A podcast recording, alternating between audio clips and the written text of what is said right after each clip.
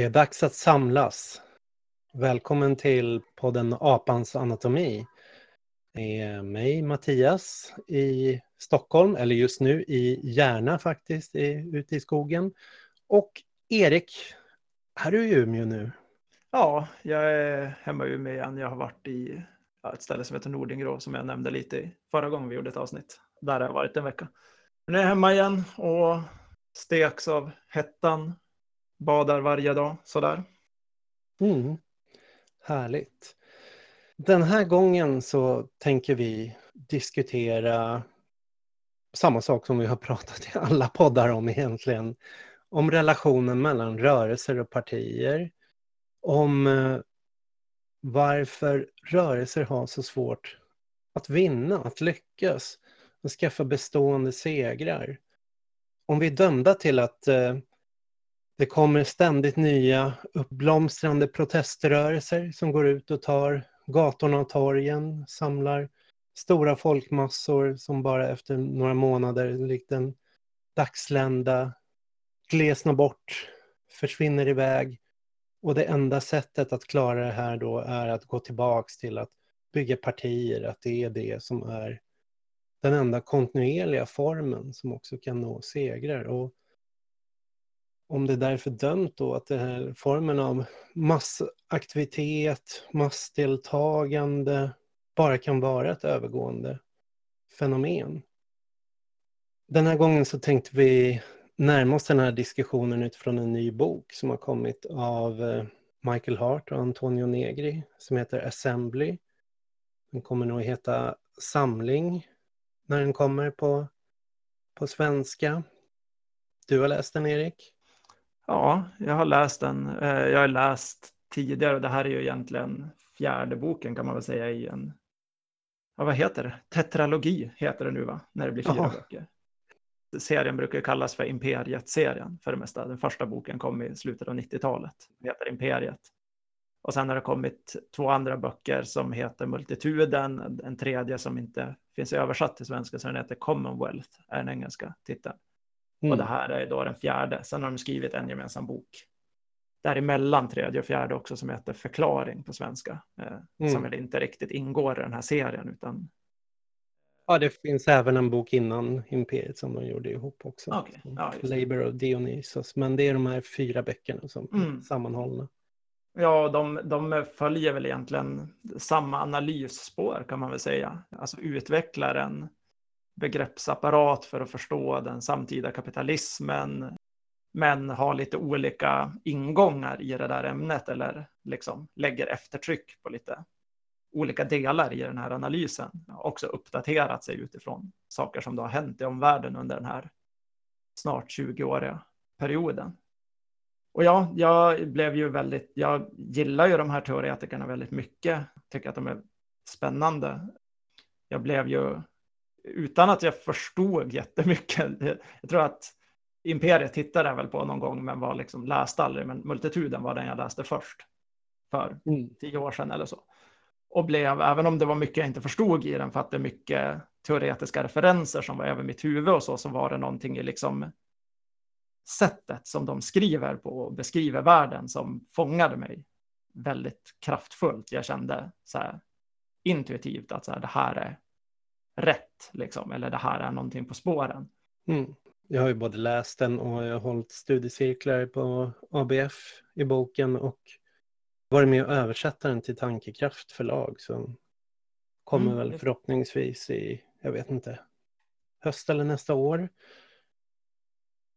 Jag kan väl säga också att de här böckerna, de står ju i en, det är en italiensk tradition som vi har pratat om här tidigare också, som kallas operaism, arbetarism, eller i kan man säga, anglosaxiska världen i väst så har det mer kallats autonom marxism. Att det är en marxism, men den betonar arbetarklassen mer än bara följa kapitalet, betonar klasskampen, arbetarklassens sammansättning, arbetarklassens autonomi och utgår alltid från sätta perspektivet, det ställe man blickar ifrån utifrån arbetarklassens synvinkel. Mm. Sen den här boken Assembly är ju samling är ju också intressant för att eh, deras texter är ju på ett sätt väldigt marxistiska. De utgår alltifrån hur ser produktionen ut? Hur är ekonomin utformad? Hur, hur producerar vi varor, tjänster? Vad är det vi kan leva och livnära oss på? Det är utgångspunkten och sen så tittar de därifrån vilka former av subjekt det här skapar. Om man producerar på ett visst sätt, att man producerar så att man har lönearbete till exempel, att det är några som sitter på kapital, det är några som måste sälja sin arbetskraft, då skapar det olika subjekt, det skapar olika klasser. Det är därifrån man måste utgå varje politiskt projekt. Inte utifrån eh, politiska föreställningar, en ideologi, idéer, utan från de här faktiska subjekten som, som finns, de motsättningar de befinner sig i. Det är där man börjar och sen utifrån det, när man har tittat på det, då kan vi prata politik. Då kan vi prata om så här, vad, vad är möjligt att göra utifrån det här? Vad är möjligt att, att samla? Och om de tre tidigare böckerna i den här tetralogin har varit väldigt inriktade på att titta just på, på produktionen och vad det här subjektet är. Hur den här nya arbetarklassammansättningen är. De använder ett begrepp som heter multituden som är väldigt... Ja, vi ska gå in mm. mer på det för att det, det är verkligen ett så här gammalt bibliskt begrepp de har tagit och det, jag ska förklara varför gör man något så mystiskt som att plocka in ett sånt gammalt bibliskt begrepp när man ska diskutera dagens klass. Men Assembly skiljer sig lite från de här böckerna utan det är den politiska boken när de har kommit till det här då. Hur ser man på organisering? Varför, varför har organiseringen inte lyckats i de protester som har varit? Om vi ser 68, protesten 77, globaliseringsrörelsen 2001, krisprotesterna 2011. Varför har det inte blivit några permanenta segrar? Vad är då partiet enda svaret? Där de försöker hitta ett annat svar. Mm. Ja, svaret partiet, alltså att, att gå dit är ju också en del av, av det som man får titta på lite som en del av misslyckandet.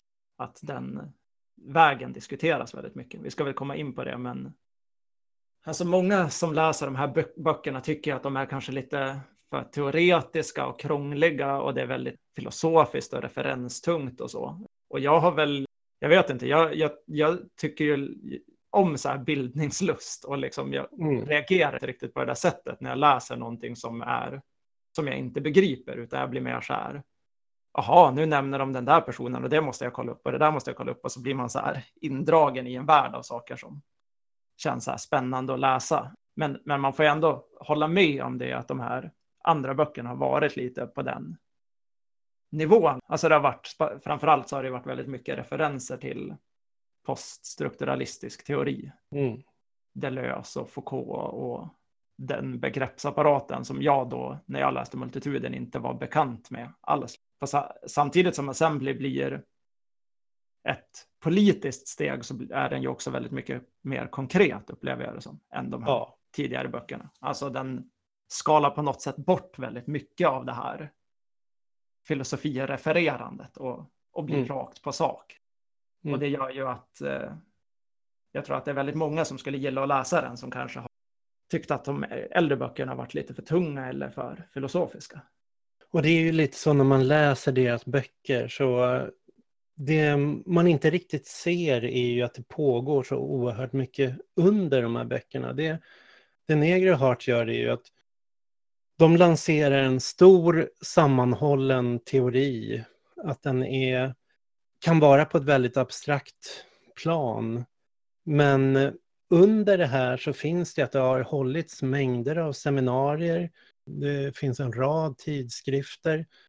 Det genomförs en massa empiriska undersökningar där olika, de här, vad man ska säga, abstrakta teorierna används i praktiken och tillämpas Och under det här finns det en hel rörelse, en hel aktiviströrelse som, som bedriver massor med konkreta praktiker där det handlar om att man, man gör saker, man deltar i kamper, man skapar lokaler, man öppnar upp rum, man gör massor med saker. Så att de här, vi möter ju de här böckerna bara liksom som tunga teoretiska böcker. Medan eh, i till exempel Italien så är det mycket mer kopplat till vad det här är. Att det här är ett sätt att göra en ny summering av vad alla håller på med och ge det en stor berättelse, ge det ett samlande narrativ. Så vad är det mm. vi är en del av för projekt? Vad gör vi? Vad vill vi? Vad håller vi på med? Det är intressant för att många av de som dissar Heart Negre gör ju det i, i någon slags så här utgångspunkt att de är postmodernister. Den typ av skola liksom. Det här är ju ett av de få exemplen som vi faktiskt har idag på just den där stora teorin. Som ju är, är kärnan i det modernistiska tänkandet, ja. bygga den stora sammanhållna teorin. Det är här den, med allting som man kan vara kritisk mot i detaljerna i den, liksom, eller att man inte håller med den, så är det ändå det som är anspråket. Att så här, mm. här presenterar vi en världsbild som är sammanhängande. Och det är väl den världsbilden man kanske måste börja förklara lite. man kan störa sig på när man läser deras böcker, för det är att de pratar som om så här, som om saker redan är här. Liksom. Att, som att kommunismen är här, samhällsförändringen är här, det nya stora subjektet som kan förändra världen är här. Och det är för att de tittar på tendenser i samhället. De tittar på, ungefär som när Marx skrev Kapitalet, då var ju arbetarklassen var en minoritet. Den var en minoritet i Europa, den var en minoritet i England där han satt och skrev. Han såg så här, men vi har bondeklassen, vi har feodalklassen, vi har bourgeoisien, men vad är det för klass som håller på att växa fram, som befinner sig i något expansivt, som håller på att omvandla allt annat, även om den är minoritet nu så, så är det den, ska vi förstå en samhällsförändring måste vi börja titta på dem. Mm. Man kan säga att eh, det, det, är mer den kvalitativa tendensen än den kvantitativa ja. som, man, som man tittar på. Det här är ju ofta invändningen mot Hart och Negris teori, att de fokuserar på saker som upplevs som ett eh, särfenomen i samtiden. Alltså de, de vill titta till exempel på de skikten i samhället som, som de tycker visar vägen framåt då till vars vi är på väg, vil, vilket typ av samhälle kommer vi ha mm. på, på sikt, vars rör vi oss? Och då kommer de här invändningarna. Ja, men industriarbetarklassen är faktiskt fortfarande så här många procent av det internationella pro proletariatet. Liksom det, ni ser inte att Kina och Indien finns och så vidare. Och jag menar, läser man kapitalet i, med 1800-talsglasögon på samma sätt så så skulle man ju kunna göra exakt samma invändning där. Man skulle kunna säga exakt som du mm. är inne på. Att så här, vilket ju också vissa socialistiska agitatorer har gjort och så i, mm. i till exempel Kina, med, där man mer börjar fokusera på bönderna. Mm. Det gör också, i och med att de tittar på tendenser så ser de också utifrån vilken potential som finns. Vad finns virtuellt redan här. Det vill säga att man kan se att idag är arbetarklassen sammansatt på ett visst sätt globalt. Att den är, vi kan inte prata om nationella arbetarklasser riktigt. Den är global, produktionen är global, de här produktionsflödena, försörjningslinjen inom kapitalismen är globala. Så potentiellt sett så har vi en global arbetarklass. Det betyder inte att vi har en politiskt organiserad global arbetarklass idag. Så att arbetarklassen som ett globalt subjekt, det återstår ju fortfarande att realisera och skapa. Det är ett politiskt projekt att uppnå den där enheten. Men rent mm. materiellt så finns ju den där enheten, alltså det finns en delad situation som aldrig har funnits i historien där vi har liksom ett, kan hitta en sån global gemensam delad materiell situation. Mm. Och det är där de också rör sig på det här dubbla planet då, att å ena sidan har vi någonting som redan är här. Å andra sidan måste det affirmeras i ett politiskt projekt för att bli till, för att skapas. Så att eh, arbetarklassen eller multituden som de pratar om, den, den både är rent tekniskt, materiellt, finns den, finns den där en realitet, men som ett subjekt så är den ett projekt att skapa. Och det är inte givet att den kommer uppstå. Det är inte som i Marx kommunistiska manifestet att proletariatet trycks ihop i fabrikerna. I fabrikerna kommer de in allt tajtare konflikt med arbetsköparna, med kapitalisterna och då blir de mer och mer medvetna, blir mer och mer stridbara, blir formas som en armé och till slut kommer de segra. Så att det finns nästan en determinism. Det är en så vanlig kritik mot marxismen, att det är liksom det är som ett självgående tåg som bara kommer, mm kommer leda fram till den här slutstationen kommunism av, nästan av sig själv. Liksom. Det är väl det man märker när man läser så här i efterhand, läser kapitalet eller kommunistiska manifestet också, är ju att den överdrivna deterministiska optimismen hos Marx är ju det som verkligen är bristen i hans teori. Det, det, är ju väldigt uppenbart när man har allting som har hänt efteråt framför sig. Att så här, ja men det var inte riktigt så där eh, okomplicerat. Nej, för bara för att det finns de här materiella förutsättningarna, att man delar dem och att man föses ihop så innebär inte det per automatik att det kommer bli en viss politisk utveckling, utan den, det är fortfarande helt öppet vilken väg det kommer ta. Det avgörs av konflikter, styrkeförhållanden, organisationsförmåga. Så att det är, hos Snegre och Hart är det här fortfarande öppet. Det finns ingen självklar riktning när det kommer gå. Även om de tittar på en tendens och säger att den här kan komma och slå igenom så är det inte säkert att den kommer att göra det. Det kan komma mm. mottendenser, det kan komma kriser, katastrofer, saker som, som kastar i andra riktningar, men det är ändå den här rörelsen, vi måste utgå från, från en rörelse och inte ja, bara mm. uppsätta mål själva liksom, utifrån idéer. Mm. Men alltså man, man får ju säga att de verkar ju i, i en teoriskola som ser att Alltså man, de har ju ändå den här synen på att kapitalismen har genomgått olika faser. Mm.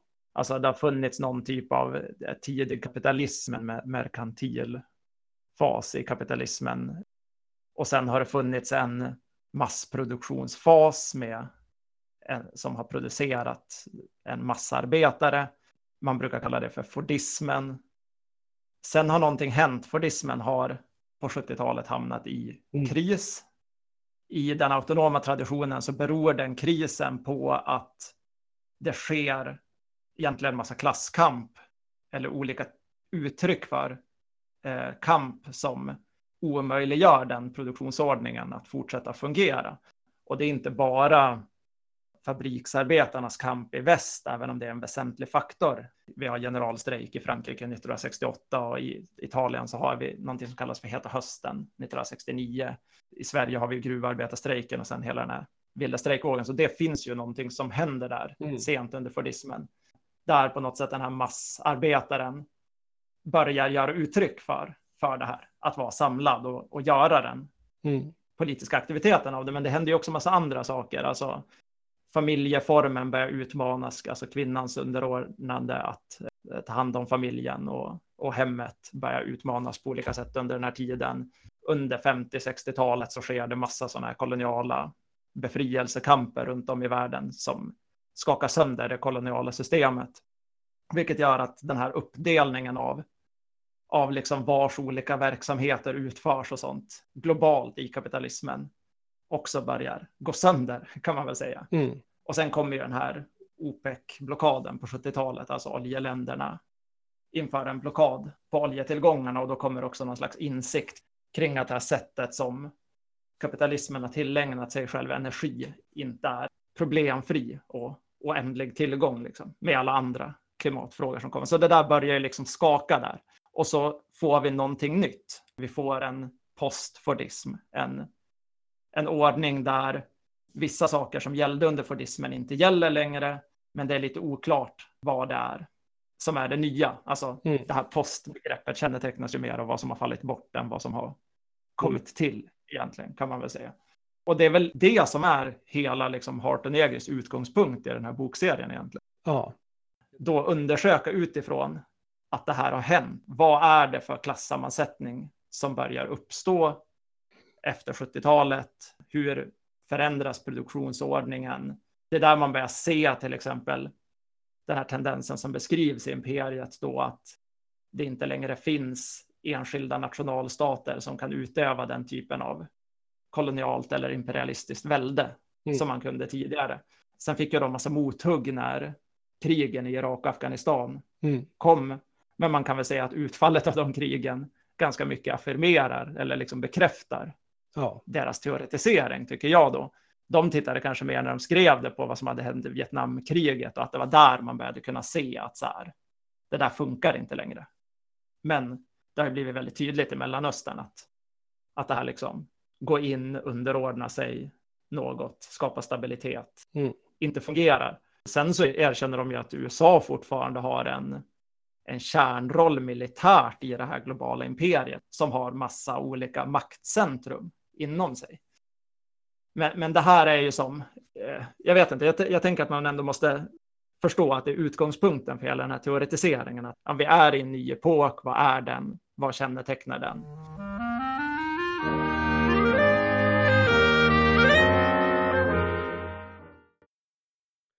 En till grej som jag vill påpeka bara, det är att, att alltså det finns ju några olika teoretiker som det känns som att vi nämner som kanske är extra intressanta för att diskutera det här, som har lite samma utgångspunkt, alltså som också ser, alltså man, man ser att någonting händer här på 70-talet och man förstår att det innebär att man måste organisera sig på helt nya sätt. Det är nya typer av kamper som kommer att vara betydande. Det kommer inte att se ut som det kanske gjorde mm. Eh, i slutet av 1800-talet eller början av 1900-talet. liksom, eller på Marx tid de som det känns som att vi oftast kommer in på, det är ju Ernesto Laclau och eh, Chantal Mouffe, som vi nämnde lite i det här avsnittet vi gjorde av Podemos i Spanien, som jag utvecklar teorier om vänsterpopulism. Och så en skola som jag vet inte om vi ska kalla dem för insurrektionella anarkister kanske, som eh, delar väldigt mycket synen kanske på vad som har hänt med Hart och Negri, men som har väldigt annan syn på hur vi ska bemöta den situationen. De teorierna kom vi in på lite när vi gjorde det här avsnittet av SAD i Frankrike, den här mm. ockuperade våtmarken. Jag tar upp det här för att en grej som är intressant med Assembly, det är att alltså Chantal Mouffe och Ernesto, eh, nej, Ernesto Laclau är död va?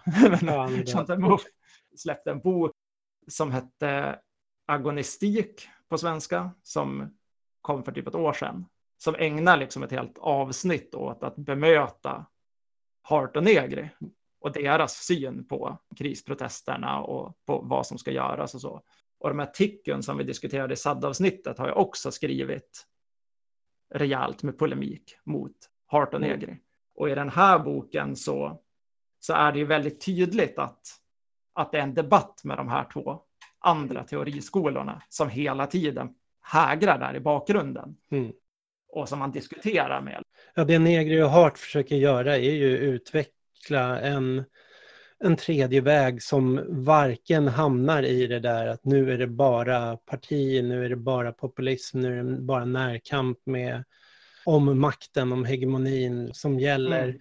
eller den andra. Nu är det bara omstörtandet, upploppen, förkastandet, eh, eller till och med ett exodus, liksom ett undandragande, att bygga liksom mikrosamhällen och liksom, eh, dra sig helt undan politiken. Som vi såg lite då i de här, eller alltså när vi mm. diskuterade SAD så diskuterade vi lite det där undandragandet som strategi och så. Som, ja. Men jag tänker att nu gör vi ett avsnitt om en bok och vi ska följa upp det här avsnittet direkt med ett avsnitt om Chantal Mouffe och Ernesto Laclau och deras teori.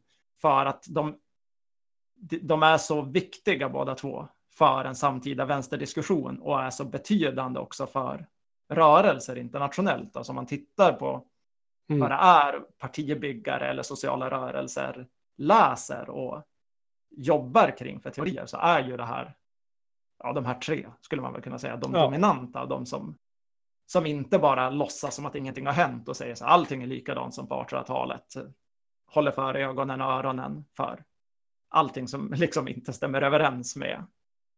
Och det går ju nästan som en pendelrörelse också. Att när det kommer en ny protestvåg då blir Negri och Harts teorier väldigt populära men även de här upprorsanarkismteorierna väldigt populära. Mm.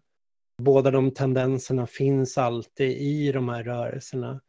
Mm, Sen när de börjar mattas av, försvagas, då kommer Laclau och Mouffe-diskussionen tillbaks. Att nu måste vi återskapa ett nytt vänsterparti, en ny socialdemokrati. mm, Måste tillbaka till att liksom övervinna rörelsernas svaghet genom politik, genom politikens autonomi.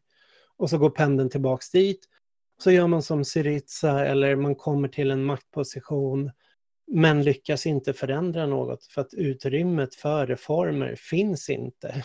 Och då nej, fastnar man där i det parlamentariska systemet som gisslan och det sker en motreaktion, en ny rörelse, går ut på gatorna och säger att men det är ju helt förkastligt det där liksom med partiverksamheten utan det är rörelser, direktdemokrati, direktaktion som är det som gäller och så går pendeln tillbaks. mm, Och det Negri och Hart försöker göra i den där boken, den här boken är ju någonstans att gå bortom den där pendelrörelsen mellan de här två positionerna. Att de varken parti eller anarki utan hitta någonting annat. mm. Finns det en väg framåt?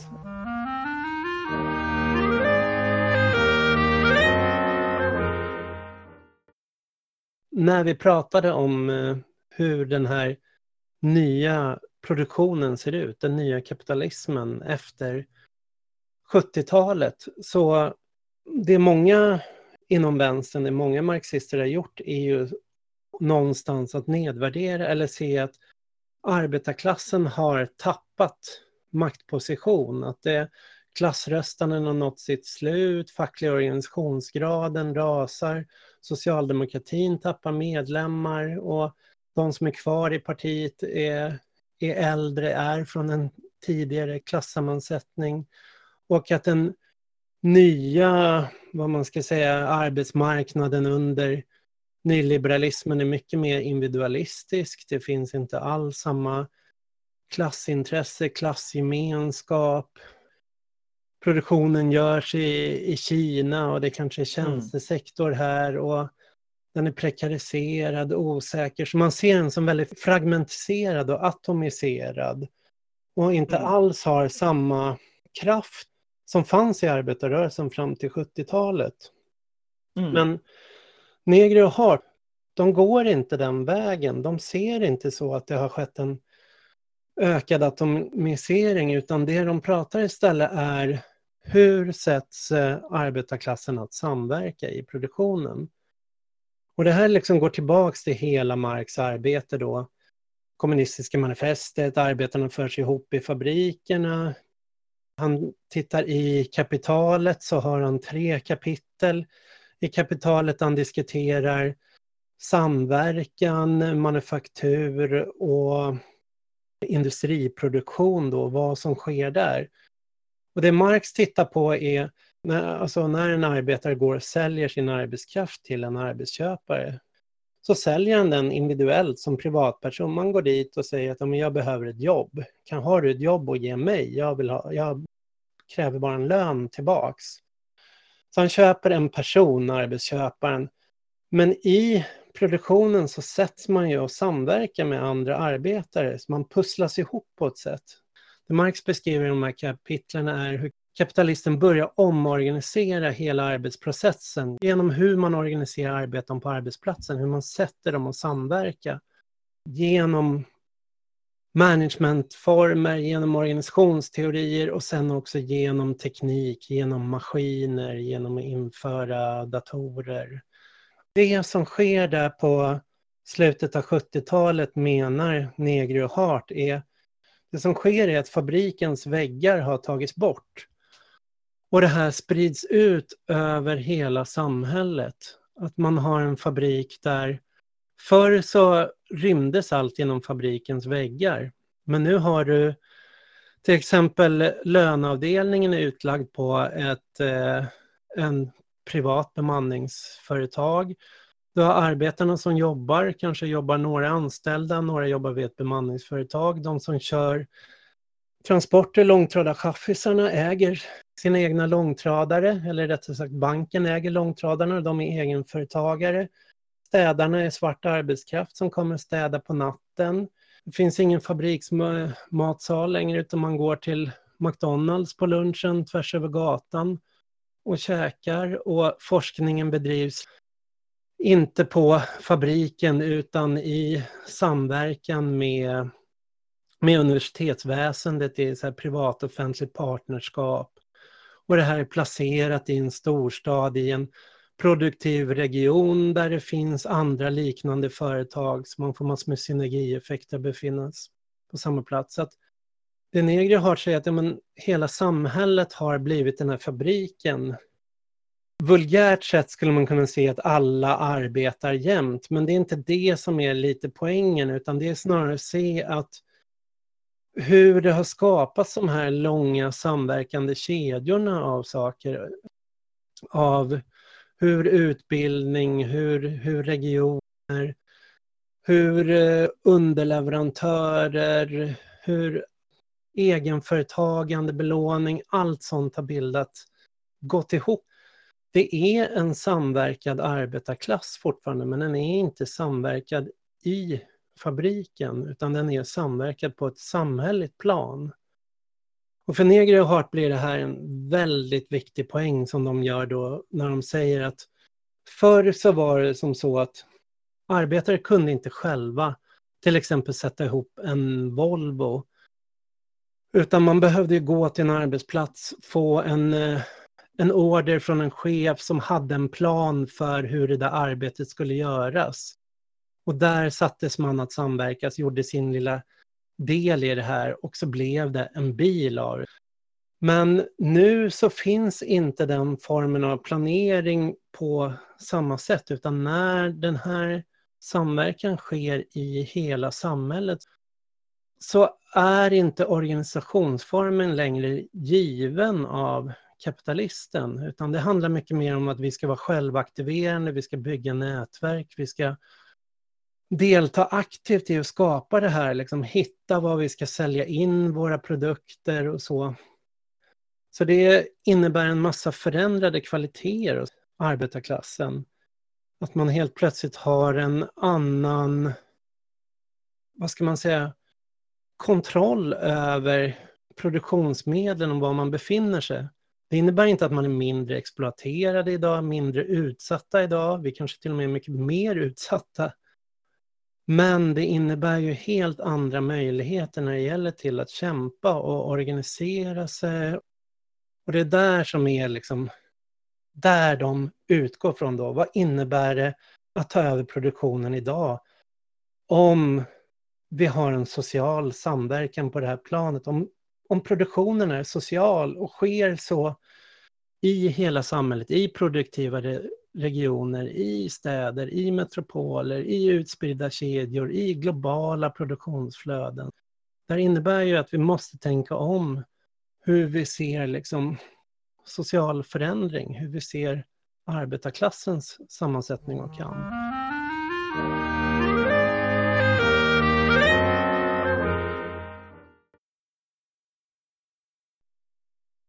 Och då kan vi gå över till varför Negri och Hart i det här tillfället börjar sitta och läsa den här, äh, vad är det, 1600-talsfilosofen Spinoza.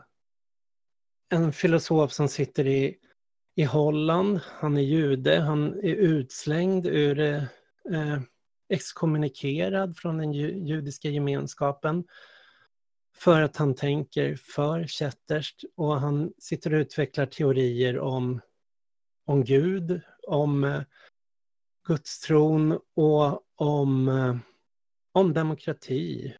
Mitt i en, vad man ska säga, republikanskt litet fäste i kapitalismens födelse där det står liksom när merkantila kapitalismen är på väg att födas och staten håller på att kraftigt förändras i takt med det. Specifikt i Holland. Och där sitter Spinoza då och tänker de här tankarna. Och det, det Negri och Hart liksom får ut av att diskutera det här, de, säger, de menar lite, vi befinner oss i modernitetens skymning nu, liksom att det moderna projektet har, har lite urmattats, håller på med Fordismens bortgång, med den här äh, postfordistiska produktionen. Och därför är det intressant att titta på teorierna som var vid modernitetens födelse, vid kapitalismens födelse. Där vi hade två former som stod mot varandra och det kändaste är ju liksom Thomas Hobbes, hans syn, hans bok Leviatan då, där han beskriver han beskriver liksom samhällets urtillstånd är allas krig mot alla. Det han beskriver, allas krig mot alla, det är det Hobbes kallar multituden, det vill säga i svenska översättningar brukar det på den tiden skrivas folkmassan, folkhopen, folkmängden. Det är liksom ett bibliskt begrepp där det bara är ospecificerat antal mängd människor. Hobbes projekt är hur får vi den här lösa samhällsmängden, multituden, att bli ett folk? Att sluta vara allas krig mot alla. Jo, vi måste ha någon person som är ledare, någon person som är en suverän, som står över alla andra, som har rätt att besluta om liv och död.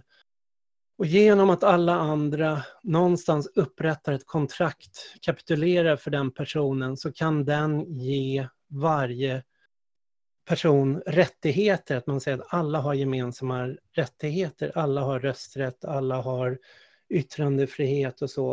Och det garanteras genom den här suveränen som står utanför, för, står över det här. Och det här gör multituden till ett folk. Att det blir ett folk. Det blir en homogent sammansatt grupp där alla har samma rättigheter, alla har samma skyldigheter. Och Spinoza skriver i samtida med Hobbes då, han, han förkastar hela den här Hobbska synen, liksom att det måste ske transcendent, det vill säga utifrån, att det är en suverän som står utanför det här.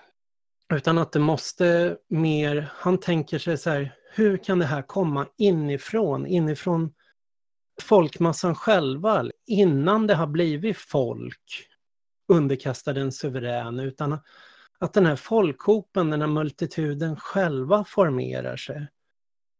Formerar sig immanent, alltså in, genom inre relationer till varandra och upprättar pakter. Och det, det är hela Spinozas projekt då, att tänka sig den här inre formeringen. Men det är en formering, det som skiljer multituden från folket är ju att multituden är inte homogen, det är inte en sån, alla har samma rättigheter, samma skyldigheter, eh, har samma relation till suveränen upprättat samma kontrakt, utan multituden är bara en oerhörd mångfald av olika subjekt, singulariteter, olika människor som befinner sig i olika relationer till varandra.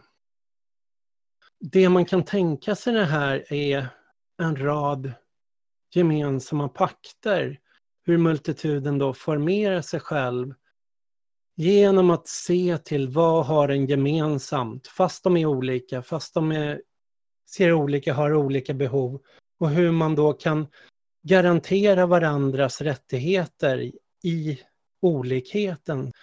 Jag accepterar att du är olik mig, du har andra behov än mig, men genom att jag stödjer dig, hjälper dig med att se till att dina behov tillfredsställs, så lovar du också att tillfredsställa mina behov hjälpa till att jag har trygghet, skydd, kan få yttra mig och acceptera min olikhet. Att jag behöver inte ha samma krav, samma rättigheter eller samma skyldigheter som du har, utan man använder den här mångfalden som en styrka. Det här kan låta så väldigt krångligt men i grund och botten när vi pratar om eh, Laclau, Mouffe sen och Negri så kommer vi se att här är hela skillnaden mellan dem, hur de ser arbetarklassen sammansätts. Om man ser arbetarklassen som en heterogen sammansättning som enas på det här sättet som multituden gör. Den här uppsplittrade postfordistiska arbetarklassen. Eller om vi tänker oss arbetarklassen som nästan som folk, som en homogen gruppering, att arbetarklassen är så, de har de här värderingarna, de har det här sättet att tänka, de här, här behoven, de här kraven. Jag kan ta ett exempel som det är, ja, det är ju Pride-tider nu, Pride-demonstrationer överallt. Och ser man till hur liksom eh, rörelsen, den homorörelsen eller vad man ska säga, är organiserad så finner man ju två organisationsformer parallellt. Och det ena är RFSL som är en klassisk organisation. Du har medlemskap, du går med som individer i RFSL. RFSL driver vissa krav. Du får tycka andra saker men de gemensamma krav man driver i organisationen är de där frågorna som är beslutade och man utser representanter som ska representera hela kollektivet. Och kollektivet är liksom majoriteten i organisationens eh, genomröstade åsikt, vilja. Det är en, vad man ska säga, en rätt hobbsk organisationsform på ett sätt. Den andra organisationsformen är ju att se det som hbtq-rörelsen eller hbtqia. Där, där homorörelsen knöts ihop med bisexuella, knöts ihop med transpersoner, knöts ihop med queers, knöts ihop med intersexuella, asexuella. Och där de här olika, det handlar inte om samma form av sexualitet, samma behov, samma krav, samma mängd personer eller något sånt, utan det är snarare så att man ser att vi har alla en gemenskap i att vi alla avviker från normen och eh, vi alla behöver lyfta våra behov. Så att genom att eh, hbtqia blir liksom en så inkluderande, expanderande, att du kan lägga till fler och fler bokstäver i det där och det är det som till exempel stör många gamla bögar som tycker, ja men fan jag är bög, vad fasen, vad ska jag behöva bry mig om bisexuella, transpersoner, intersexuella, jag skiter väl i allt det andra liksom. Så här. Men hbtq, ja, Pride-manifestationerna bygger just på den inkluderingen att ju större mångfald, ju fler man får in, ju fler som bestämmer sig att gå in i den här pakten och backa varandra, stödja varandra, desto starkare kommer man bli. Och det här är liksom ett multituds sätt att tänka sig en sammansättning. Låter det vettigt, Erik? Eller? Ja, jo, jag tror, att jag, jag, jag tror att jag förstår vad du menar. Har du några exempel annars? Nej, men jag, jag tycker att det är ett bra exempel på multitud. Jag tycker att de här, de här begreppen är ju, alltså, det är ju det är en typisk invändning folk har om man skulle använda begreppet multitud. Men det är ju eh, det är ett jättesvårt begrepp. Det är nytt och det är komplext och bla bla bla liksom. Men i grund och botten, jag menar, i, när vi gör avsnittet om Muff Laclau efter det här, så ska vi diskutera mm. lite hur de ser på folket och på att skapa begreppet folket. Och där, där märker man ju att det är inte så intuitivt givet heller, utan det är också Nej. extremt många skärningspunkter i det, hur man definierar det och det är inte heller någonting av av sig själv givet. Liksom. Klass ännu mer, som är kanske det begreppet vänstern instinktivt helst vill använda. Mm. Så jag tror att i, den mån det är snöigt så, så är det för att det är en komplicerad diskussion. Liksom.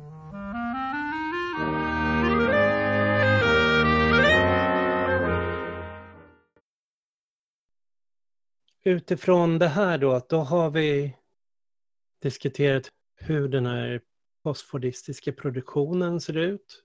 Den är samverkad på ett samhälleligt plan över globalt, inte bara på arbetsplatserna. Och den är det subjekten skapar, det är liksom en, en myller, en mångfald av olika produktiva subjekt. Arbetarklassen har blivit extremt heterogen, skiktad, uppdelad. Så det man får tänka sig, arbetarklassen har ju fortfarande en enhet rent materiellt, delar en, en massa gemensamt, men den är så skiktad att vi kommer inte se samma homogena klassuttryck, klasskultur som vi har sett genom historien, utan att skapa ett arbetarklassubjekt idag, då måste man gå vägen via att tänka via Spinoza, mm. via att tänka multitud, via att tänka så här, men hur hittar vi de gemensamma projekten i hela den här mångfalden av skiktningar inom arbetarklassen och skapar ett, ett gemensamt subjekt av det. Mm. Som då relaterar till dess roll i produktionen. Och där kommer då Negerhart in på nästa steg då. Vad kan multituden göra när den enas? Hur kan den enas utifrån dess produktiva förmåga, dess produktiva kapacitet, det vill säga vad man gör som arbetskraft. Inte bara vad man har för idéer, vad man har för värderingar, utan för vad, vad man faktiskt producerar. Och då gör det på ett samhälleligt plan och där kommer de in då på begreppet allmänningar. Mm. Gemensam produktion och allmänningar. Du kanske kan säga något om begreppet allmänningar, hur det relaterar till det här? Ja, men det, det är väl en av de här, igen, liksom, det, det är viktigt att hela tiden, för att det finns ju många inom vänstern, eh, tänker jag, som har en idé då i den situationen vi befinner oss i, att vi efter 70-talet, alltså man ser det som en nyliberal offensiv eller en kapitalklassoffensiv som gör att vi, vi var på en viss punkt och sen så flyttade arbetarklassen fram sina positioner och sen har de blivit tillbakaträngda och då är vi på något sätt igen i samma situation som vi var kanske i början av 1900-talet. Det tror jag är kanske fortfarande den mest dominanta uppfattningen bland vänstern. Och det påverkar väldigt mycket vilka så här organiseringsprojekt man vill ha. Så jag, jag tänker att så här, det man hela tiden vill stressa när man pratar om, om Hart och Negri och de här teorierna är ju så här att de hela tiden tittar på de här kvalitativa tendenserna. Så här, vad är nytt och vad är så här, kvalitativt intressant för var saker rör sig? Som är just de sakerna som jag tycker att många kamrater, eller vad man ska säga, ignorerar eller så här, försöker abstrahera bort när för att få ihop den där världsbilden av att så här, det är 10 igen eller 20 eller 30, vad, vad man nu tänker innan, innan liksom fordismens fulla utblomstring. Ja, vad, vad, är det gemensamma och vad är multituden? Liksom? Det hänger ju samman med, med den här rörelsen mot en samverkad arbetskraft, att, att arbetskraften är en multitud idag. Jag tänker att det finns lite olika exempel på det där, där en, en sån sak som uppstår under den här tidseran är, kommer ur utvecklingen av informationsteknologi det är en väldigt tydlig kvalitativ förändring i vår tid sedan 70-talet, att vi har fått internet och smartphones och liknande teknik, att vi sitter på sociala medier, gör alla de grejerna. Och det är någonting vi gör när vi sitter på sociala medier som är intressant för dem, eller inte bara på sociala medier utan överhuvudtaget i hur vi kommunicerar med varandra. Mm. Det som händer när hela samhället har blivit en fabrik för Hart och Negre är ju att i den liksom den här sociala kooperationen som pågår hela tiden så eh, producerar vi massa information i form av eh, kulturella uttryck, kod, eh, språk och så vidare. På plattformar som vi gör det, det här är ju en gemensam produktion, alltså det är en gemensam produktion av någonting.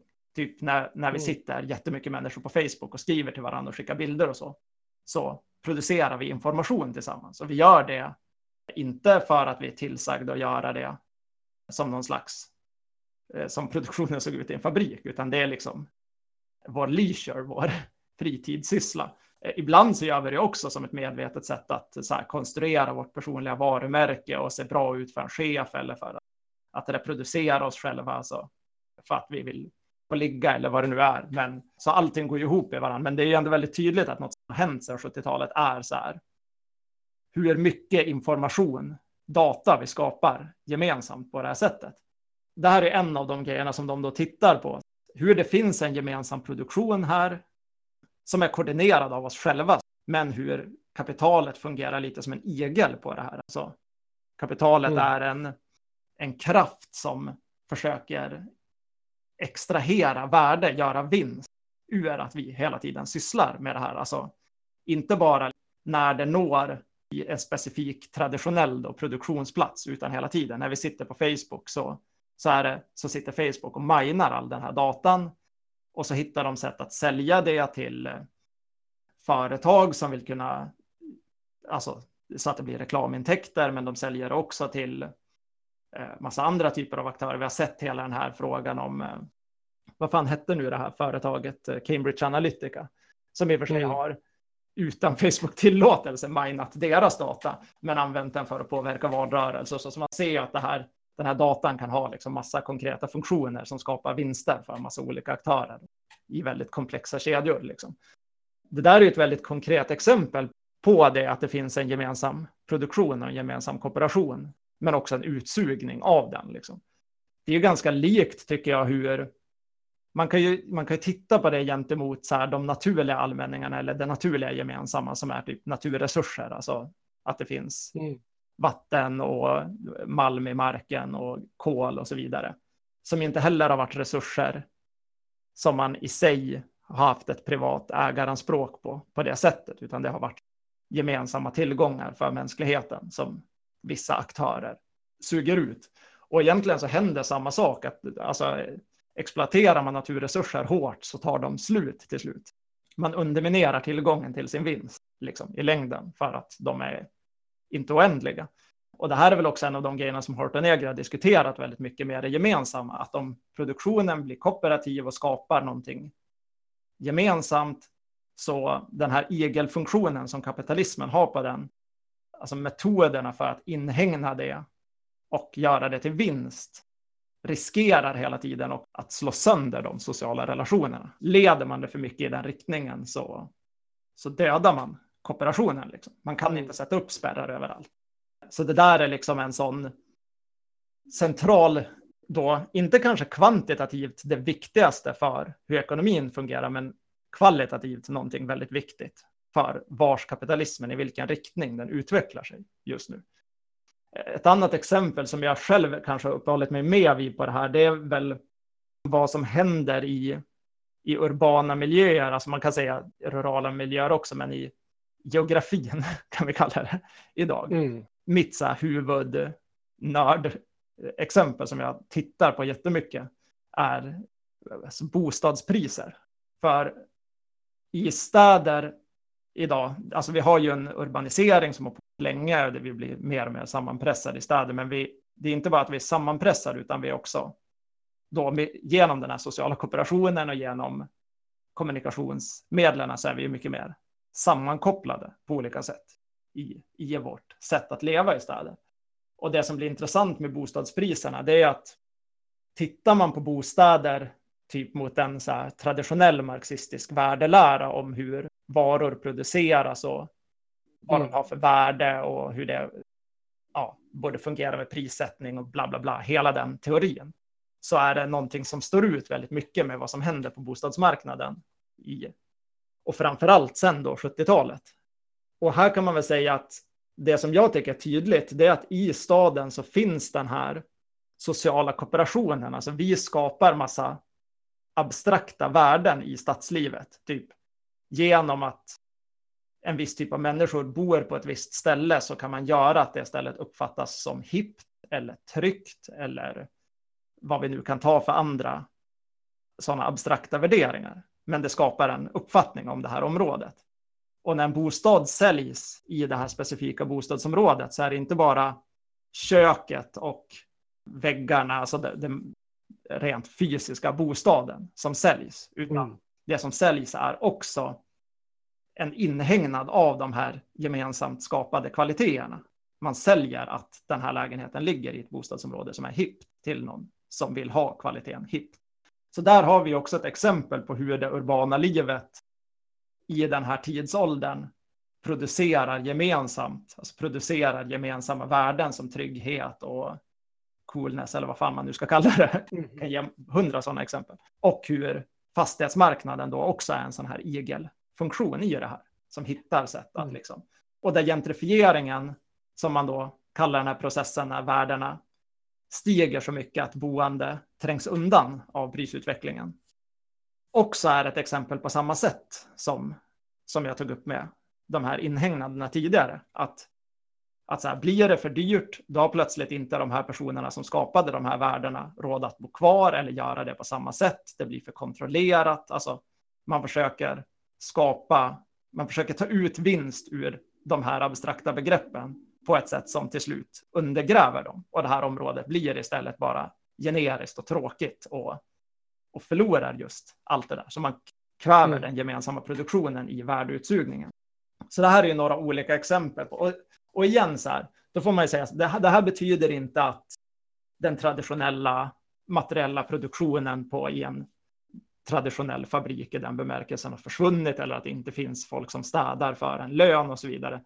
Det betyder bara att det här är någonting som liksom emergar eller växer fram inom den här produktionsordningen. Ett annat sätt att göra vinst och ett annat sätt att producera som Hart och Negri då ställer som väldigt centralt Mm. för liksom hur, inte bara i sin analys av vad som är kvalitativt intressant i så produktion och klassammansättning, utan också för då hur vi, hur vi ska organisera oss och vad, vad det politiska projektet är idag. Mm. Det politiska projektet för Hart och Negri är ju ganska mycket att, eller det är ju det är en väsentlig del i det, att ta kontrollen över de här sfärerna, över hur den här tekniken används, liksom över till exempel eh, datainsamlingen, naturresurserna och så vidare. Och få den här sociala kooperationen då att bli självmedveten och kasta av sig den här egen. Om man jämför med i fabriksproduktionen på in, inom lönearbetet så, så råder ju en exploateringsförhållande. Att det, är det värde du med att producera, skapa där tas från dig, så att säga, urvinns ur dig. Och där finns ju kampmöjligheten då att strejka, att lägga ner sitt arbete och med, genom hotet att lägga ner arbetet, tvinga fram bättre, bättre avtal, högre löner och så. Mm. Men den här extraheringen av värde, alltså det här iglandet av värdet i, i samhället, vad blir då motsvarande strejken? Vad blir motsvarande man kan sätta press på för att få tillbaks eller ställa krav eller hålla tillbaks? Där ser ju Negri och Hart då att eh, här är reapproprieringen det centrala. Mm. Så reappropriering, det innebär liksom återtagandet av det, det värde man producerar liksom, och att man försöker hitta sätt att eh, behålla det inom egen kontroll. Att göra det till en allmänning. Mm. Och det här begreppet allmänning, alltså det är ju enklare att höra på engelska när, om vi har commons och common, där commons är allmänningar och common är det gemensamma. Och hos Negri och Hart så kopplas alltid de här två sakerna ihop. Att commons, det är allmänningarna. Allmänningarna är inte bara en uppsättning resurser som alla kan komma att använda, utan allmänningarna är någonting som produceras. Det är en form av produktion. Och det är en produktion som görs gemensamt. Så det innebär allmänningar för dem är det som produceras och projektet är att undandra det här som produceras så att vi demokratiskt behåller det oss oss själva, oss, oss som producerar, oss våra behov och inte kommer kapitalet till godo. Så där ser de som hela det projektet. vi har en massa förmågor, vi, har, vi är produktiva, vi är samverkade, vi, vi har gemensamma kopplingar. Allt det här vi redan har nu, hur kan vi använda det här för oss själva gemensamt och inte bara för kapitalet? Mm. Ja, här är också en ganska stor skillnad mot, det finns ju mycket andra kristeorier som också lägger stor tonvikt på den här 70-talskrisen, men menar då att kapitalismen blir har liksom en decline eller en ner, successiv nedgång. Alltså vi, vi befinner oss i en långsiktig stagnation i någon typ av slutkris. Mm. Kapitalistisk slutkris där produktionen efter Fordismen liksom bara mattas av och att privatiseringar och sånt vi ser är att blåsa ny luft i, mm. en döende struktur på det sättet. Hart och Negri är ju snarare då helt åt andra hållet. De menar att produktionen har blivit så så social och omfattande att den, inte, att den spränger mätverktygen för hur man, genom att hela mm. samhället har blivit en fabrik så kan man inte längre, så funkar inte längre de här formerna för, för hur man skapar vinst och, och mäter och fördelar i, inom det kapitalistiska ramverket. Liksom. Så det finns liksom en enorm potential inneboende i det här tillståndet den vikten de lägger vid den här kvalitativa tendensen och att det finns ett positivt uttryck, den skapar ju helt andra syner på organisering och projekt än vad vissa av de här andra kristeorierna gör då. Som... Projektet blir då lite att de här allmänningarna, att se till att de inte inhägnas, att de inte sugs ut utan behåll.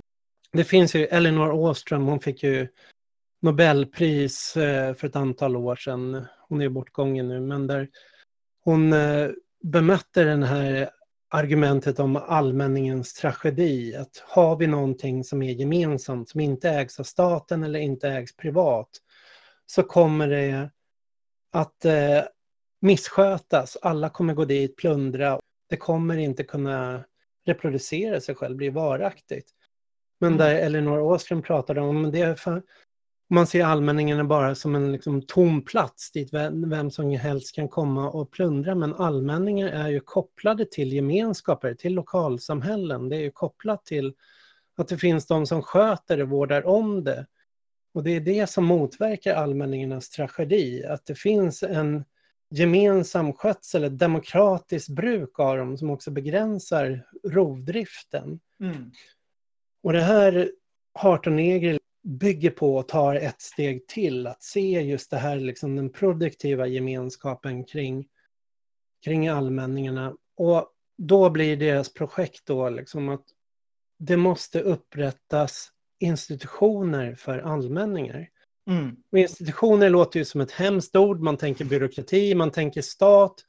Men det Negri och Hart pratar ju här om är ju ett generalangrepp på privategendomen. Att det inte ska vara privategendom, utan det står i det gemensammas förfogande, det gemensammas bruk så att säga. Men det är inte heller offentlig sektor, det är inte heller statligt ägt, att det är statlig egendom det ska handla om. För statlig egendom går att skötas enligt marknadsprinciper. Du kan införa new public management, du kan privatisera, bolagisera det, som efter rent kapitalistiska principer, utan de angriper både liksom det statliga och det privata här för att se vi måste skapa skydd, institutioner för allmänningarna.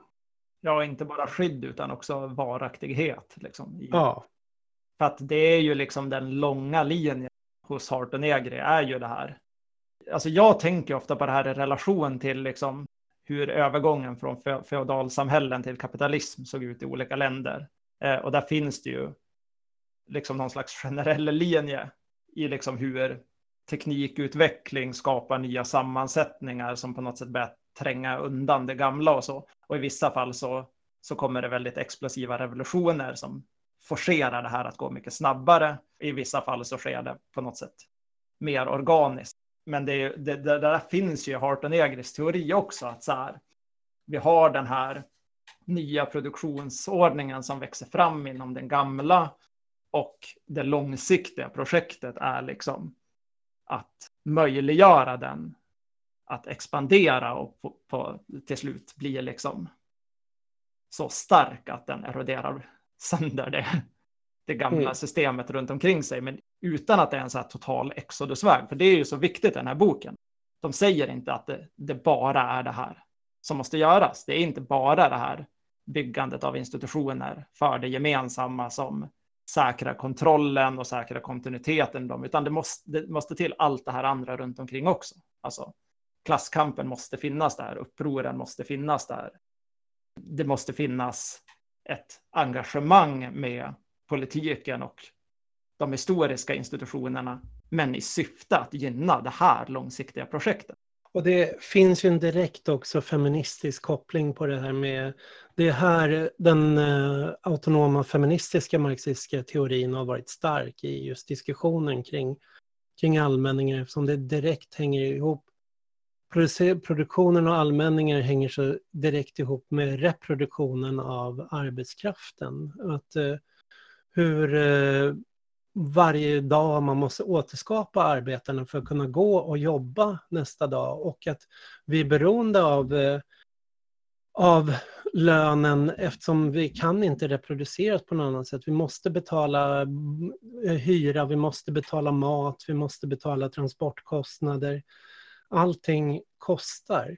Och genom att säkerställa former av reproduktion för oss själva som är utanför kapitalismen på det sättet. Som är, så angriper man ju någonstans hela arbetskraftens reproduktion. Och där har kvinnor varit de som har varit i liksom fronten genom hela historien och tagit de här kamperna. Så det är dit man får titta och hämta historisk mm. inspiration liksom, hos arbetarkvinnor.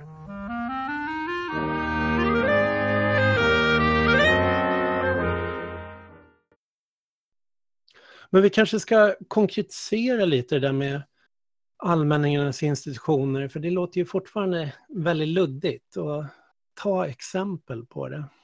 Det finns ju massor med olika områden som har varit, dels har det varit kamper om priser, att eh, självreducera priser, hålla ner priser på, på varor, på lägenheter och så. Och där har ju liksom de extremaste formerna har ju varit när man vägrar priset överhuvudtaget som genom olika former av ockupationer, bostadsockupationer, markockupationer eller upprättande av kooperativ där man eh, ställer, gör resurspooler, ställer saker till förfogande utan att liksom behöva följa prismekanismer. Det handlar om att sköta naturområden, sköta områden gemensamt i sin närhet.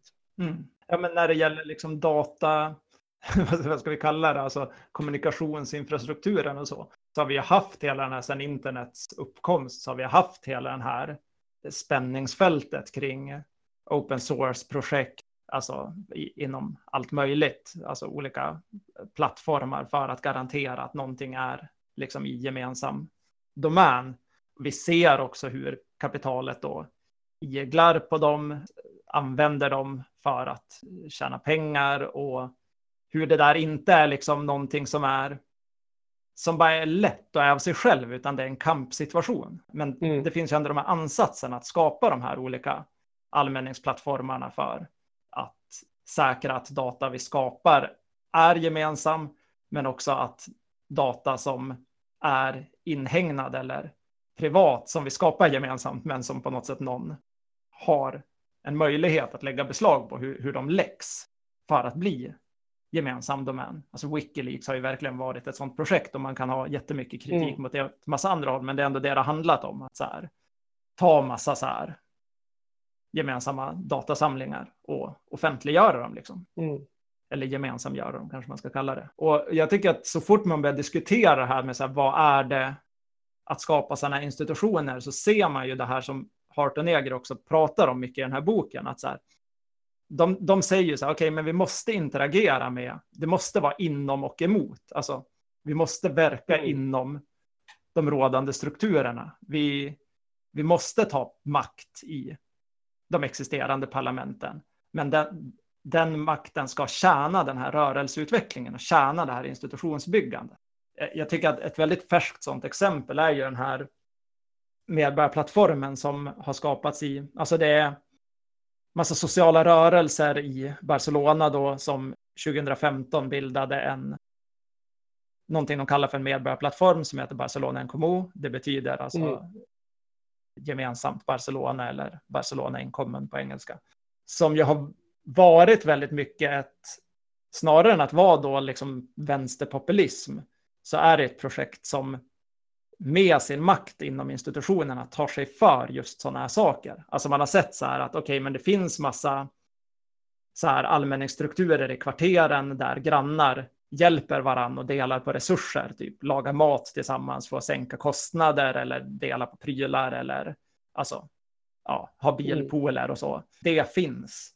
Hur gör vi för att det ska kunna eh, utvecklas institutionellt och för att det ska kunna bli stärkt liksom, varaktigt med, med hjälp av det här statsmaktsinflytandet.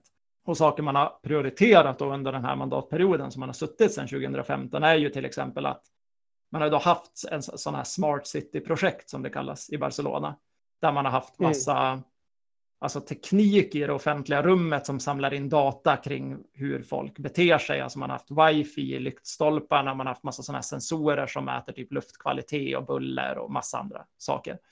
Och alla de där grejerna har tidigare legat i offentlig-privata partnerskap, så det är det offentliga som har beställt det här, men man har haft privata aktörer som har samlat in datan också för att sälja vidare den till tredje part och det är så finansieringsmodellen har sett ut ungefär. Mm. Så att det är ju på något sätt genom att man gemensamt typ kör bil eller rör sig i stadsrummet eller kopplar upp sig till olika wifi så tillhandahåller man data som sen då inhägnas så här via det offentliga.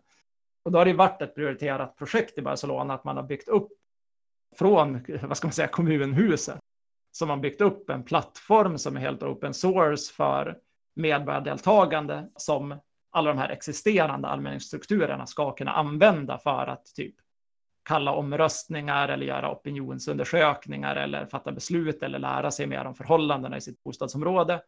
Och sen har man tagit tillbaks all den här semi-privatiserade datan och gjort den open source också och försöker liksom nu göra den tillgänglig för de här medborgarstrukturerna som redan finns sedan egentligen sedan 70-talet i Barcelona.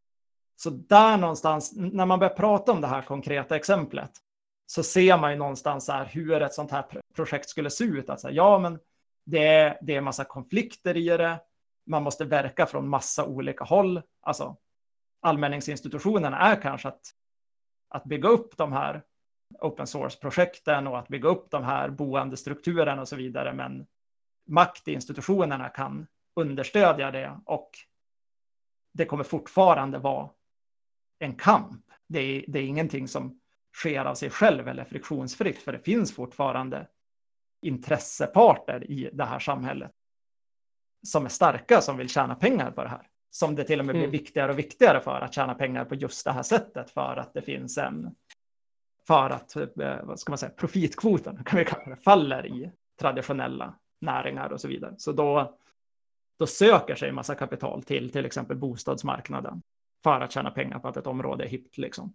Och det är ju de mm. andra grejerna som Barcelona Komodo har jobbat med. Att premiera olika delningsekonomier men samtidigt slå ner på sådana här fenomen som Airbnb som liksom gör om mm. bostadsområden till hotell fast man, alltså, man köper upp mm. lägenheter och låtsas att det är så här house sharing eller liksom lägenhetsdelande. Men egentligen så är det så här företag som bedriver hotellverksamhet. Mm. Jag, jag tycker Barcelona är ju så här frontlinjen på något sätt för att se det här och förstå liksom hur kamper och eh, organisering kring de här frågorna ser ut. Mm. Och jag tycker också i att inte tappa bort att det så här, alltså Barcelona en kommun är ju, deras väljarbas var ju hyfsat mycket så här traditionell arbetarklass i, i Barcelona. Och det handlar ju väldigt mycket om fördelningspolitik också i så traditionell bemärkelse. Så det är inte som att man kastar ut allting det genom dörren och så här låtsas som att det inte finns arbetsplatser längre och traditionellt lönarbete och därmed behov av en traditionell fördelningspolitik. Men det är alla de här dimensionerna också och det här kanske är de kvalitativt viktiga att mm. understödja. jag har en vän i Stockholm som eh, vänsterpartist, en vad ska man säga, kamratbyråkrat. Som, han klagar alltid på att här, men det var så enkelt för borgarna när de satt vid makten i Stockholm, för de visste precis vad de skulle göra. Varje dag, de kokar sitt kaffe när de kommer till jobbet och sen sitter de, sätter de igång och börjar titta. Vad är det av det offentliga som de ska kunna få in marknaden i? Vad ska de börja kunna privatisera, bolagisera? Medan eh, vänstern har betydligt svårare problem. De sitter, de vågar inte höja skatterna och de ska driva det offentliga och bygga, bygga fler bostäder, sköta sjukvården men klarar inte av liksom att hålla kvaliteten med det som görs. Och de vet också att det, de har marknadskraven på sig och liksom borgarna riskerar att komma tillbaks efter nästa val och bara riva upp allt de har gjort och mm. liksom sälja av. Så att då är det ju intressant att titta på till exempel Italien, Neapel och allmänningsrörelsen som har pågått i Italien som som Negri och Hart liksom skrivit lite i de här böckerna för. Där man har kopplat ihop en rad frågor. Man har parollen bene comune, eh, gemensam nyttighet liksom, eller eh, allmännytta eller allmänningar. Där, man, där universitetsprotesterna, eh, gymnasieprotesterna handlat om att utbildningen måste vara en bene comune, en gemensam nyttighet som inte ska kosta pengar utan som ska gynna alla. Teatergrupper ockuperat lokaler, sagt att kultur är en, en gemensam nyttighet. Ockuperat biografer.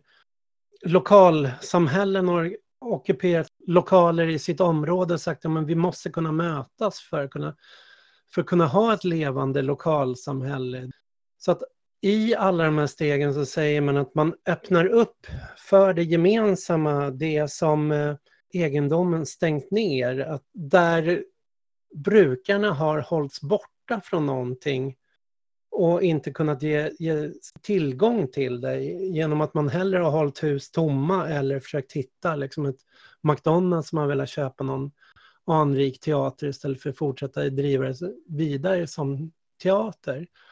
Och i Neapel där De Magistris då som är borgmästare han har ju speciellt kommit till, till makten på ryggen av den här allmänningsrörelsen och tillsatt speciella vad heter borgarråd som jobbar med just skapa allmänningar, att se vad kan man knoppa av av det offentliga för att göra till allmänningar, göra till brukarstyrda. Det har varit då med EU flämtandes i nacken på att det offentliga ska drivas efter marknadsprinciper, det får, måste gå med vinst, det får inte eh, ligga lägre i kostnader än vad privata sektorerna gör. Så enda sättet att få undan det offentliga från marknaden så att säga har varit att göra om det till allmänningar. Och där har allmänningsrörelsen så det, på så sätt har man institutionaliserat mm. de där allmänningarna. Man kan väl säga att i Italien så finns det också en juridisk dimension av det här som har handlat. Ja. Alltså, man, om, man, om man ska prata om att arbeta med det institutionellt så har det ju, eh, det finns ju så här konstitutionella traditioner i den republiken som man knyter an till. Där mm. är väldigt mycket så här ett juridiskt arbete att skapa prejudikat i domstolarna och sånt för att så här, säkra vissa utvecklingar. Liksom. Eh, och det där visar väl att så här, en sån här grej i olika kontexter så måste det göras på olika sätt. Liksom. Mm. Och mycket av det som man behöver göra om man kanske läser Assembly i Sverige, liksom, är att så här, även om man förhåller sig till det här att, vi är, liksom, att det är en global sammansättning och så vidare, så finns fortfarande särskillnader i regionalt, nationellt, i hur strukturer är uppbyggda just nu och hur man ska jobba med dem för att främja den här utvecklingen. Det är väl verk verkligen den diskussionen man vill ha liksom, långsiktigt mm. i Sverige. Så här. Okej, okay, men exakt vilka är luckorna i våra strukturer för att mm. liksom, mm. börja jobba i en sån här riktning? Något man hämtat mycket inspiration från både i Italien och Grekland är ju att titta på Argentina och krisprotesterna i Buenos Aires 2001. Där det var torgockupationer där det var nedlagda fabriker som gick i konkurs som togs över av arbetarna. Där arbetslösa gick ut och blockerade motorvägarna och tog in en, en vägtull som gick till att distribueras bland, bland arbetslösa. Och också tog konfrontationer med polisen när de försökte attackera vägtullarna eller gå på de stora demonstrationerna. Där det bildades eh, en vitt spridd kvartersorganisering där man ockuperade lokala platser, skapade sociala center och där också genomförde allmänningar i form av marknader med en egen valuta eller, eller där det var fritt att, att ta saker så att säga. Där de ockuperade fabrikernas produktion, förbands till kvartersorganiseringen, förbands till de sociala centren och skyddades av de här arbetslösa, den så kallade Piqueteros-rörelsen, det vill säga blockadrörelserna. Så att där ser vi en sån här multitudisk sammansättning där arbetsplatskampen, kvarterskampen, allmänningskampen, arbetslöshetskampen gick ihop och genom att bilda pakter med varandra skapade en sammansättning som gjorde den starkare. Mm. Och det är här som Negri Heart trycker lite på, men här är proteströrelsernas dilemma, liksom Occupy eller eh, 15M-rörelsen i Spanien, att där 15M-rörelsen lyckades medan eh, Occupy inte lyckades med att bygga sådana här institutioner ur protester.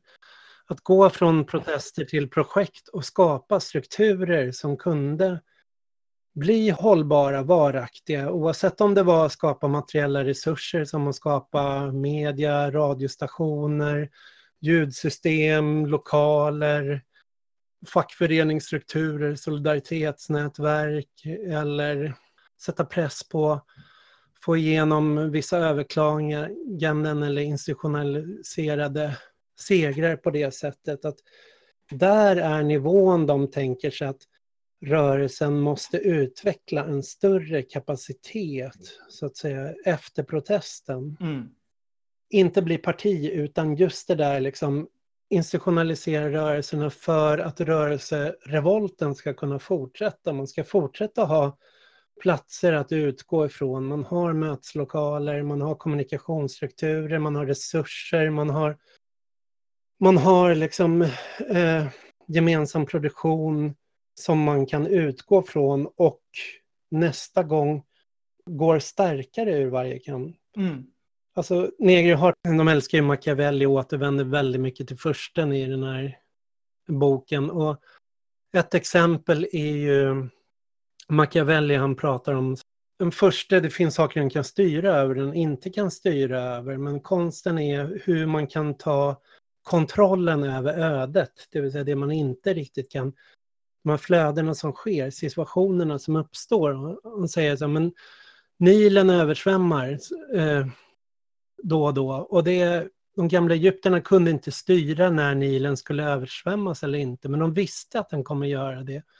Om man är redo och bygger fördämningar så kan man fånga upp vattnet när floden svämmar över för att hålla det vattnet och bevattna med och skapa ett jordbruk. Så att eh, man kan inte styra översvämningarna men man kan ändå försöka ta kontroll över situationen, utnyttja och vara redo när den kommer. Så att man i varje cykel, i varje våg ser till att skapa, institutionalisera vissa saker som man kan nästa gång det kommer en ny flod kan gå vidare på så att säga och inte behöva börja från scratch varje gång utan hela tiden ackumulera. Och det är väl det som just det här hållbarhetsprojektet är då för multituden så att säga. Hur ackumulerar vi? Hur ackumulerar vi kraft, segrar, allmänningar? Så att mm. vi hela tiden bygger det här inom kapitalismen, en allt starkare motmakt.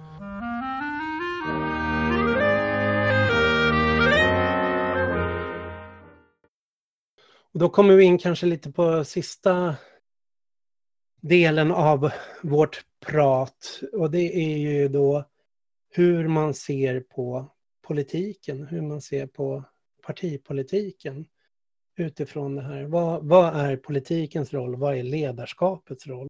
Ja, precis. Och här finns det ju. Det, det, här utgår ju liksom i den här boken ganska mycket. För här blir det ju väldigt aktuellt. Det knyter ju an mycket till de här 2011-protesterna som du nämnde då. Så arabiska våren och Nados i Spanien och Occupy och så vidare. Och varför de rörelserna i så hög grad inte producerade liksom någon slags eh, segrar, eller vad ska man kalla det? Mm. Spanien är kanske undantaget om man generellt så kan man ju se den tendensen och hur den här vändningen också kommer då till att så här, ja men vi måste bilda ett traditionellt parti, då kommer Muflaklau-linjen in där. Ja. Bilda ett traditionellt parti, försöka vinna traditionell institutionell makt och införa vissa vänsterreformer. Liksom. Och den stora diskussionen här, egentligen hos Hart och Negri, det är väl att de här rörelserna har utvecklat en, ska man kalla det en impuls mot centrala ledarskap, mot avantgardism. Det är bara accepterat, så är det. Mm. Folk vill inte ha ledare i den traditionella bemärkelsen och folk är skeptiska till det i sådana här proteströrelser. Hart och Neger säger väl ungefär att man måste acceptera att det är så det är, men man måste också kritisera när den här horisontalismen, alltså ledars, bristen på ledarskap, blir en dogm hos de här rörelserna och ett hinder och är en del av varför mm. de inte kan producera segrar. Och det är ju som utgångspunkten för då en diskussion om begreppen strategi och taktik och mm. ledarskapets mm. roll i rörelser. Mm. Här knyter de ju an då till en lång tradition med hela vad ska man säga, den jakobinska traditionen efter franska revolutionen där liberaler, socialister, socialdemokrater, kommunister, alla befinner sig. Det är någonstans här, vad är representationens roll? Vad är politikens roll? Hur gör man uppdelningen mellan rörelse, parti, fackföreningsrörelse, parti, representerade och representanter? där blir som tydligast den här linjen med varken parti eller anarki och Snegri och Hart, att de, de går inte på det ena, liksom att vi måste bara acceptera de här uppdelningarna. Vi som vänster måste se till att men så är det, vi måste gå in och bygga de här partierna. Vi kan inte bara bortse från makten, vi måste ta makten, vi kan inte bara bortse från parlamentarismen, vi måste gå in och vara där, ta närkampen med institutionerna. Eller den andra linjen som bara är, nej men vi måste bara helt förkasta det, bara vända det helt ryggen, aldrig delta i val, aldrig delta i, aldrig utse några representanter. Utan de utgår ju snarare då från, kan man ta den här diskussionen, alltså den väldigt så här, den är ju som tydligast uttryckt hos Lenin, men i synen på taktik och strategi, där Lenin pratar om att det är du har en rad fackliga kamper, de är endast partikulära, de kan bara upp, vara taktiska, du kan bara vinna taktiska segrar på de här platserna, utan det är partiet som är den här strategiska hjärnan, den eh, strategus, den här härföraren som kan ha överblicken, se långt, som kan leda kampen i rätt riktning och ta dem, koordinera den i de centrala slagen.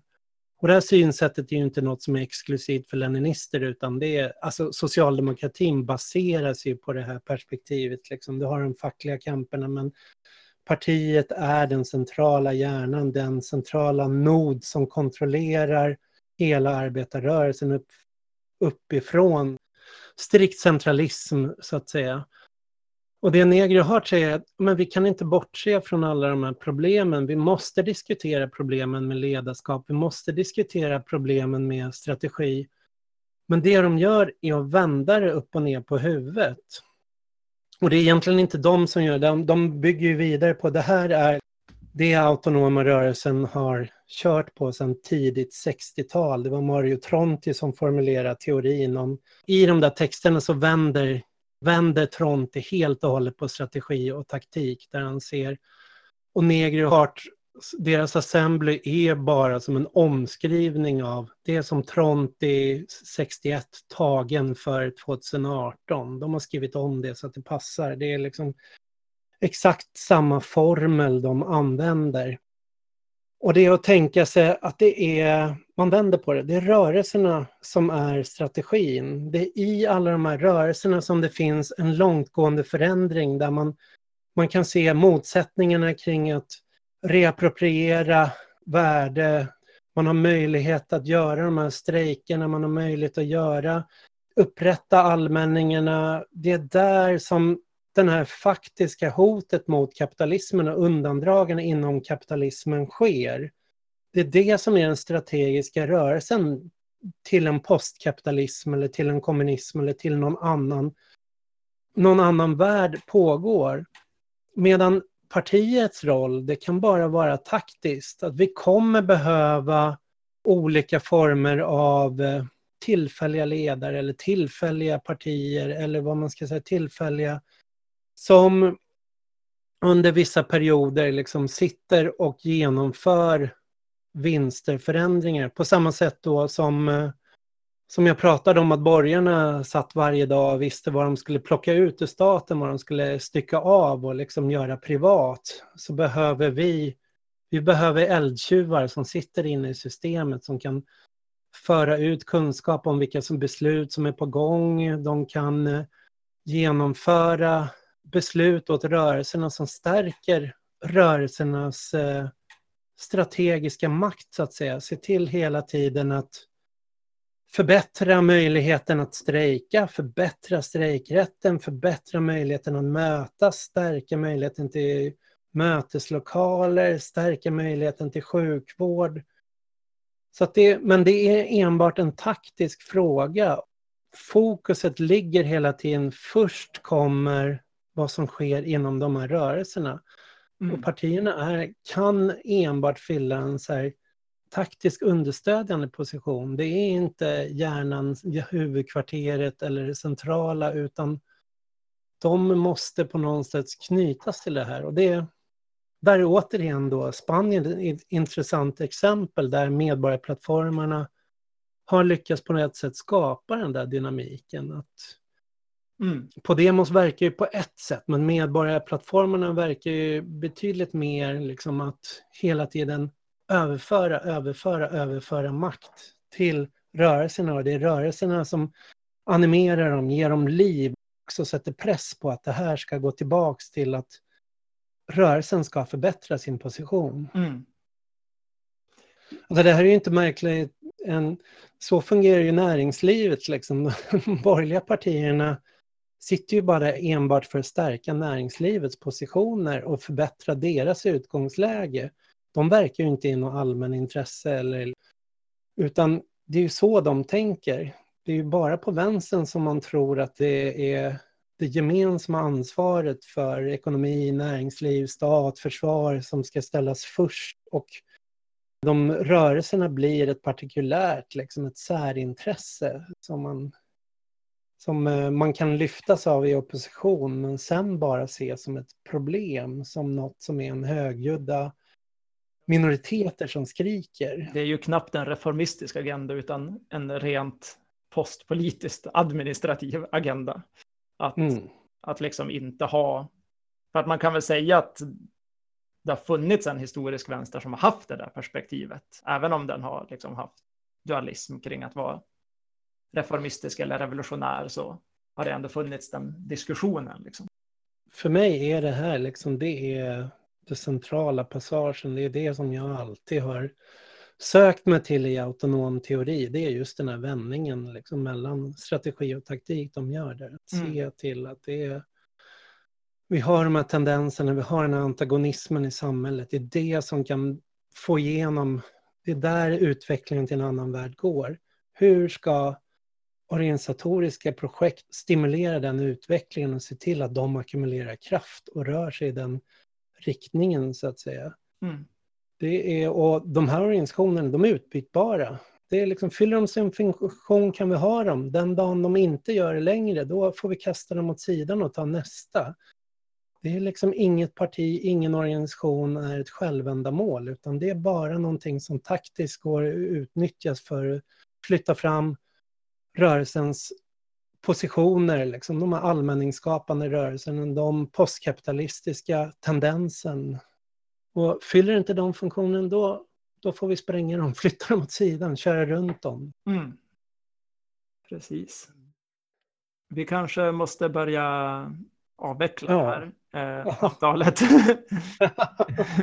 det blir en superlångt avsnitt, men å andra sidan har vi att vi, vi låter oss själva få teorinörda ner oss i det här avsnittet. Det är sommar, vi får göra det som ett dubbelavsnitt.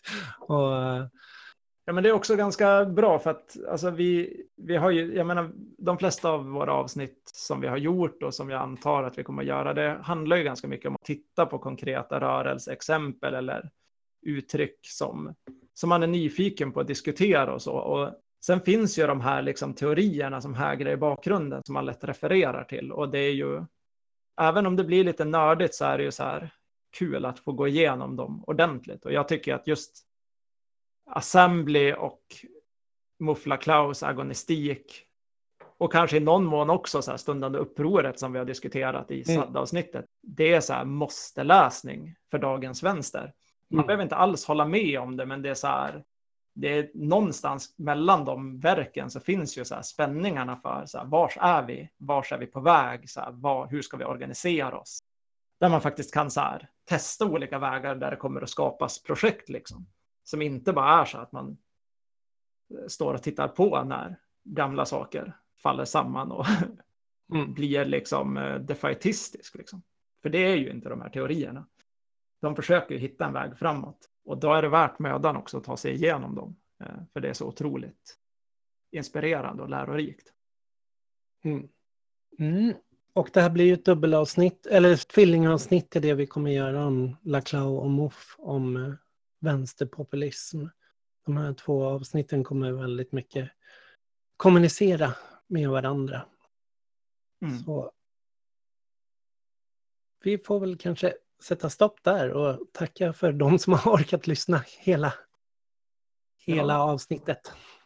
Stort tack för att ni lyssnar och stort tack alla ni som eh, kommenterar och hör av er och här, säger vad ni tycker är intressant och dåligt och både så här innehållsmässigt och teknikmässigt och så med den här podden. Det är mm. alltid skitroligt att höra mm. de grejerna. Det, vi gör ju det här, så här helt amatörmässigt utan några resurser alls. All, all sån kritik är alltid välkommen för att kunna mm. göra det lite bättre och lära sig mer och kanske kunna lära mm. andra för att få igång andra och podda också. Mm. Tack för att ni har lyssnat. Ja, tack för att ni har lyssnat och återhörande. 100 million angels singing Multitudes are marching to the big kettle drum.